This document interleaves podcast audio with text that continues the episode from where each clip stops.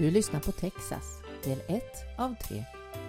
Jag, Mia Kamitz, ska snart läsa min åttonde novell Texas för dig. Men först vill jag passa på att berätta lite om vad jag tänkte som gav mig idén till berättelsen. Är du med? Ibland träffar jag på människor vars utseende uppmuntrar min skenande fantasi att galoppera fritt och jag håller mig bara fast och berättar det jag ser. Det är som att ha en pågående film inuti mitt huvud och det kan vara besvärligt om jag inte har tid att skriva ner den. Den bultar och pulserar och vill komma ut, flimrar med envisa bilder framför mina ögon och har jag inte tid att teckna ner den ersätts den snart av ett nytt intryck i ett annat möte. Ett hus eller en plats, ett ansikte eller ett samtal jag hör i en affär. Jag blir överrumplad, hjärnan triggas och en ny idé kommer hastigt farande och tränger undan den andra. Inte helt, men jag behöver liksom en dörr på glänt för att smita in igenom och se vart den leder för att göra verklighet av mina tankar och liksom smida medan just det järnet är varmt. Så har jag det varje dag. Min hjärna lever sitt egna liv och tar med mig på små fantasiutflykter parallellt med vardagslivet. Helst skulle jag vilja ha tid och möjlighet att ta mig an en idé i taget. Men livet ser tyvärr inte ut så. Det är mycket jag ska hinna. Och få tid till skrivandet innebär att jag tvingas avstå någonting annat. Svårt. När jag dock har tid behöver jag bara få en glimt. Som av mannen i novellen Kim Kim som höll den thailändska kvinnan fängslad i ett ödehus källare. Han passerade på gatan utanför min häggmispelhäck och filmen började på ett ögonblick. Jag smitt in genom den öppna fantasidörren och lät mig själv bli bortförd och uppslukad. Vem han egentligen var har jag ingen aning om. Jag förvandlade honom och gav honom ett helt nytt sammanhang endast på grund av hans utseende. Undrar vad han skulle tycka om han visste. Det får bli vår lilla hemlighet. Ibland använder jag personligheter som jag känner väl och lånar deras utstrålning och sätt att vara men ger dem nya namn och ny tillvaro. Så är det med novellen Texas. Violet, Astrid och Sven, som alla bor i flerfamiljhuset i berättelsen, finns eller har funnits på riktigt. Men jag har gett dem ett nytt sammanhang. Jag lånar lite av verkligheten och strösslar rikligt med fantasi. Historien om Texas handlar om avundsjuka jag har själv aldrig upplevt sådan kraftig avund att det gjort mig mörk och hatisk, men jag kan föreställa mig den. Jag har sett den på nära håll och förfasat mig över den. Orättvisor finns överallt och människor behöver känna sig önskade, älskade och värdefulla. Somliga har en fantastisk förmåga att hela tiden söka efter ljuset och dras dit medan andra fastnar i skuggorna och blir bittra. Jag kan bli fascinerad över människor som trots svåra förhållanden antingen i barndomen eller senare i livet ändå har styrkan att vara positiva och förändringsbenägna. Människor som lyckas överleva och hitta fungerande vägar imponerar. Jag önskar och försöker att sälla mig till den skaran för de är mina hemliga förebilder som jag ser upp till. De flesta levnadsöden innehåller bitvis svåra passager men inte alla har styrkan, turen eller målmedvetenhet nog att förvandla det till livserfarenhet och komma ut på andra sidan ljusare till sinnet och starkare. Det är inte svårt att förstå hur somliga blir förtärda av orättvisor och avund och inte själva har möjlighet att se att det är känslor och att det kan finnas hoppfullt solsken bakom molnen om man bara orkar slå in på en annan väg för att hitta dit. Att ge upp, tycka synd om sig själv, ge någon annan skulden och bli uppfylld av hat är en strategi att stå ut och överleva. Och det ska mycket till att skaka av sig den och pröva något annat. Det vet vi väl själva, hur svårt det kan vara att bryta gamla invanda mönster eller förändra våra åsikter. Jag blir inte sällan arg och besviken på min omgivning och allra lättast är det att ge skulden för mitt missnöje och mina känslor åt någon annan. Att jag dristar mig själv att göra jobbet och söka efter alternativa och bättre lösningar än bråk och tjafs kräver mer arbete och energi Och det är verkligen inte alltid jag orkar det, fastän jag så väl vet att jag själv äger den största möjligheten till förändring i mitt liv. Vi är människor och vi uppfylls av känslor. Regissera personer i vår närhet för att behaga oss själva. Det är diktatur och det vill vi väl inte ha. Men jag gör det ändå, lite varje dag. Och blir lika utsatt av det av andra varje dag. De flesta tycker att just sin idé eller sätt är det bästa och envisas ganska ordentligt för att få sin vilja igenom. Att tänka demokratiskt vill vi ju, fast det är lätt att glömma bort om man står sig själv närmast. Att samsas och komma överens är att förlora lite för att sedan få något. Gör jag inte det kan jag riskera att inte få något alls. Men varför är det alltid jag som måste? sa min ena dotter som tyckte att väninnan var omöjlig och trög. För att du kan, svarade jag. Alla har inte lärt sig förmågan att anpassa, jämka och hitta lösningar. Alla kan lära sig, men det kräver en smula självutplåning och det kan ta tid att inse att saker och ting blir lite smidigare om man orkar att ge upp något. Ska vi vila lite i alla pompösa och präktiga ord här så vi kan orka svälja tuggan av självinsikt utan att kväljas. Vi lyssnar lite till stycket jag har skrivit åt Texas. Hoppas du ska tycka om det.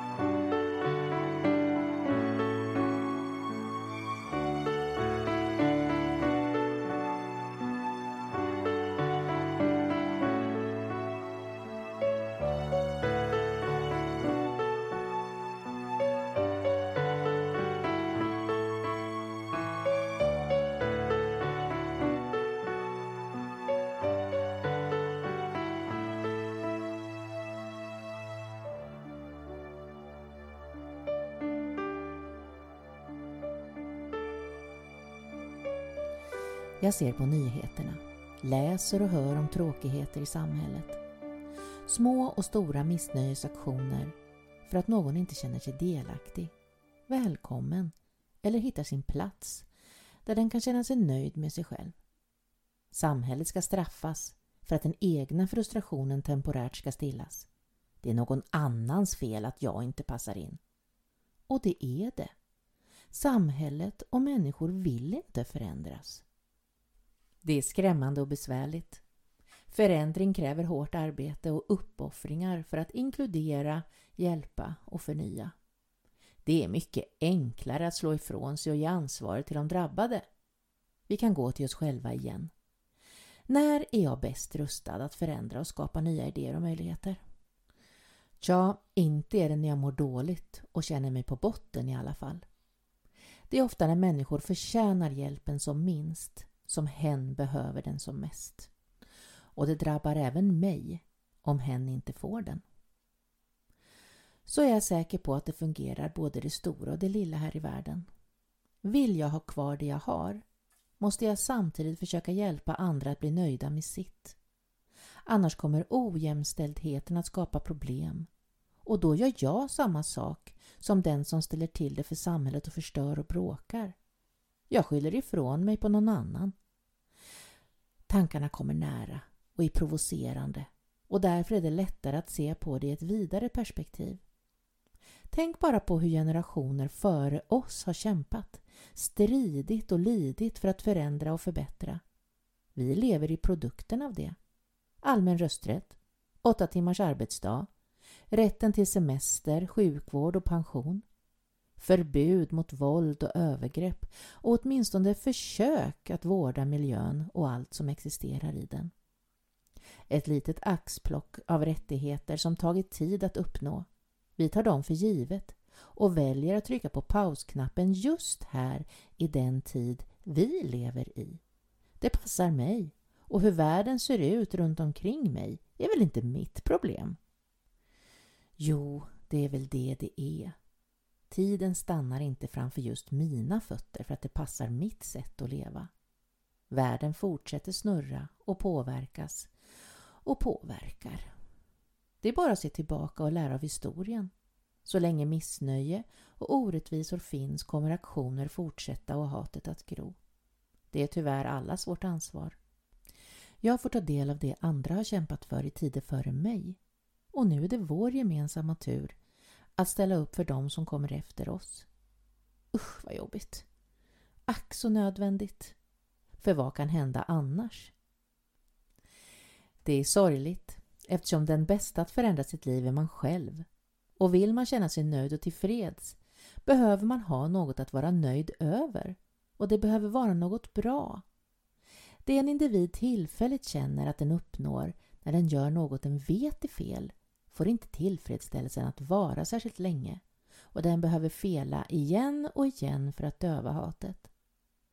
Även om jag känner att jag blivit förövad något löses ingenting om jag tar eller förstör för någon annan. Det skapas bara en negativ spiral.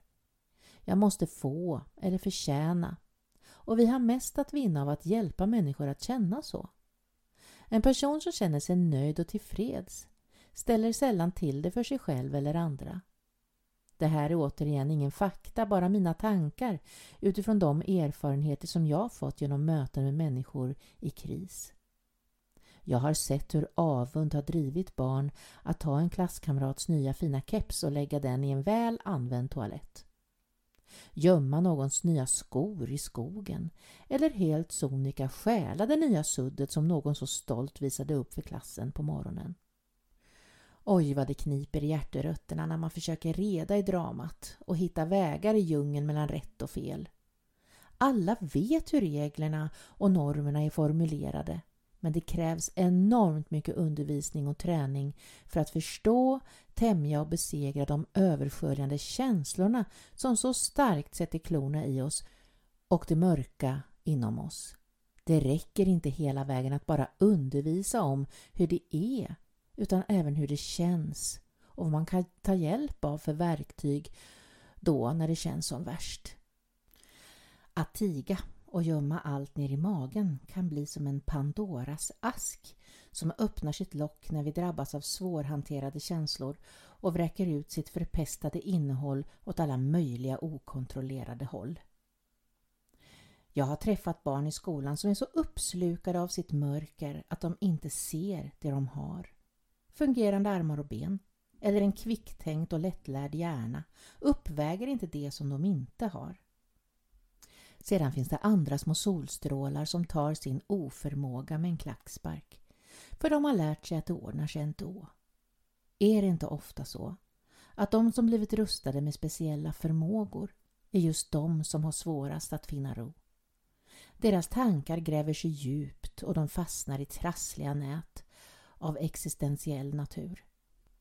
De behöver hjälp och vi behöver dem för det är deras förmågor fantastiska innovationer kan födas och förgylla för oss andra. Det är som den stora humlan som envist brummar och stöter mot fönsterglaset för att komma ut i friheten. Den sitter inspärrad och har inte förmågan att komma ut. Men jag kan. Jag kan böja mig fram och lossa hakarna och öppna en liten glipa och visa vägen ut. Hör!